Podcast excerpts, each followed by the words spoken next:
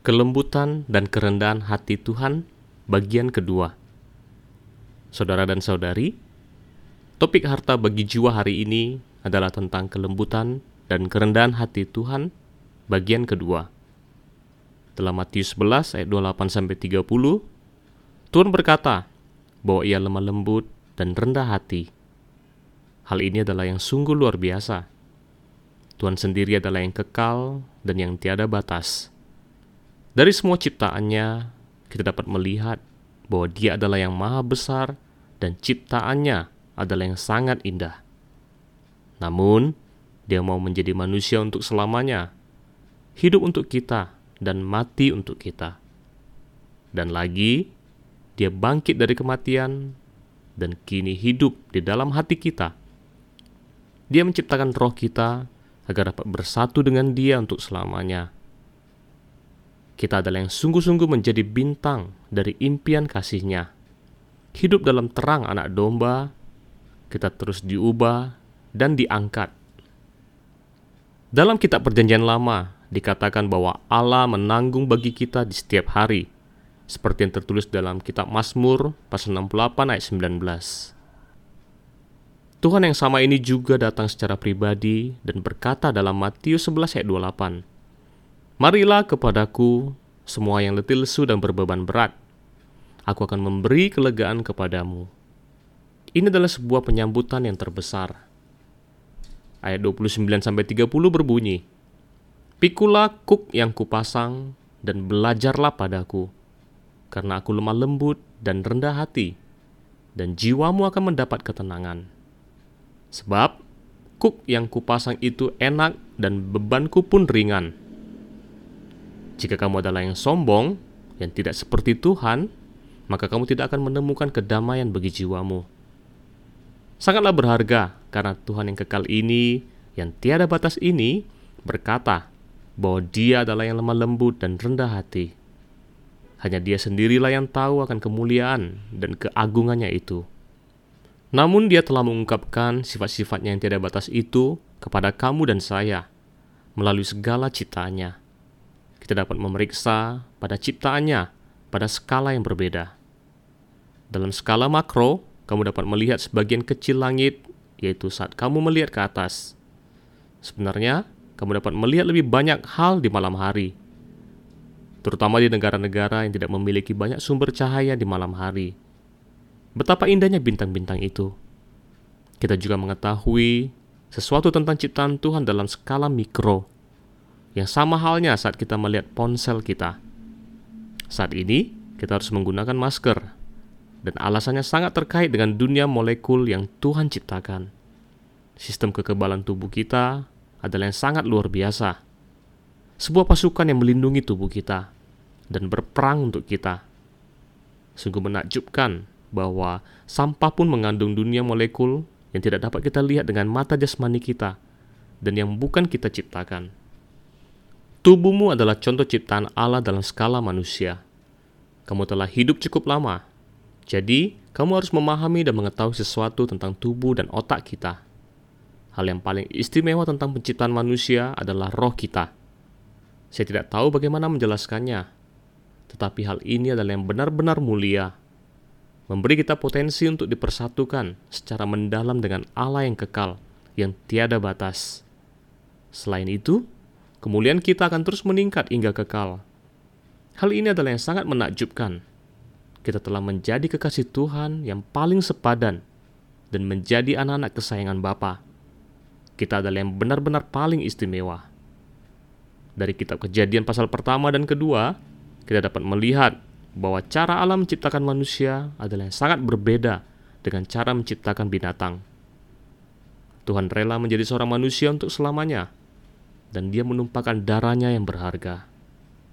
Allah yang Tritunggal telah sangat menderita untuk menebus roh kita dan meminang kita untuk menjadi miliknya selamanya. Siapakah yang dapat menggambarkan nilai dari diri kita di hati Tuhan? Atau seberapa tinggikah posisi roh kita? Sangatlah berharga karena Tuhan telah datang.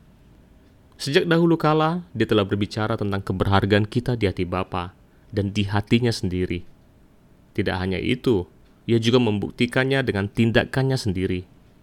Dia tidak datang sebagai orang dewasa layaknya Adam, tetapi dia menjadi seorang bayi, menjalani kehidupan yang indah, dan masuk ke dalam kebutuhan kita. Bahkan, dia mati untuk kita. Kita harus benar-benar mengingat akan apa yang dilakukan untuk kita di sepanjang hidup kita. Sangatlah berharga karena kita tidak diminta untuk mengingat seseorang yang telah meninggal. Dia pernah mati, tetapi dia bangkit dari kematian, dan dia hidup untuk selamanya. Selain itu, dia tinggal di dalam hati kita. Di seluruh alam semesta ini, tidak ada seorang pun yang lebih hidup daripada dia. Dia adalah hidup yang kekal, dan sekarang dia telah menjadi hidupku. Kristus di dalamku telah menjadi pengharapan akan kemuliaan hingga kekal. Manusia adalah yang sangat sombong. Sebenarnya, mereka hanya memiliki sedikit kekayaan materi dan sedikit kekuatan tetapi mereka terlalu sombong. Manusia yang biasa dapat menjadi begitu sombong, namun Tuhan yang kekal ini, yang tiada batas, berkata, "Aku lemah lembut dan rendah hati." Pada waktu dulu, saat saya membaca Alkitab, saya selalu merasa bahwa Tuhan yang perkasa ini adalah yang sangat rendah hati.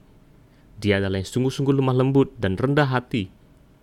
Kamu dapat melihat dari cara dia berbicara, Bahkan ketika dia diperlakukan dengan buruk oleh manusia, pernahkah dia berkata, Tahukah kamu siapa aku? Sangatlah berharga karena Tuhan yang kekal yang tiada batas ini mengatakan, Aku lemah lembut dan rendah hati. Sesungguhnya dia adalah yang demikian. Saat kamu membaca keseluruhan Alkitab, maka di bagian mana pun kamu tidak akan dapat menemukan kebohongan Tuhan tentang kuasanya dan kemuliaannya yang besar. Meskipun dia adalah Tuhan yang begitu mulia, namun dia sangat dipermalukan oleh mereka yang dia ciptakan. Sebenarnya, dia dapat dengan mudah menjatuhkan kita tanpa mengangkat satu jari pun. Lihatlah apa yang Tuhan alami pada malam sebelum penyalibannya.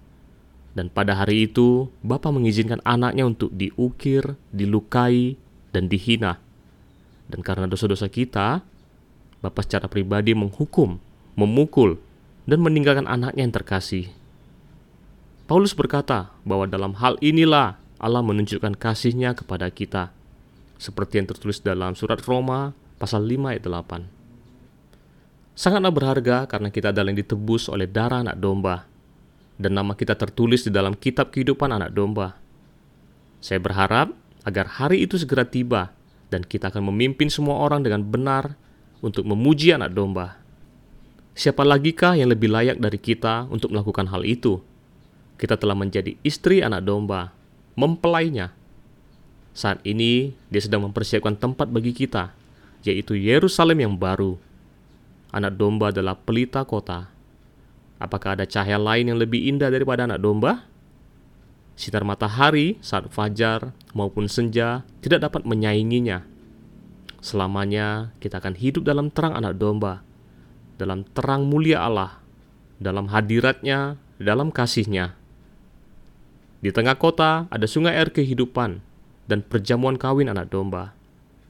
Perhatikanlah bahwa Alkitab tidak menggambarkannya sebagai perjamuan kawin anak domba dengan jemaat.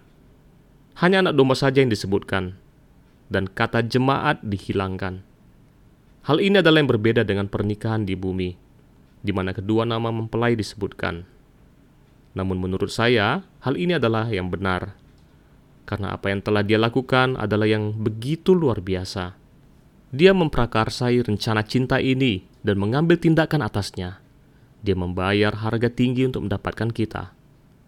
Bahkan, apa yang dia lakukan telah mengguncang langit dan bumi.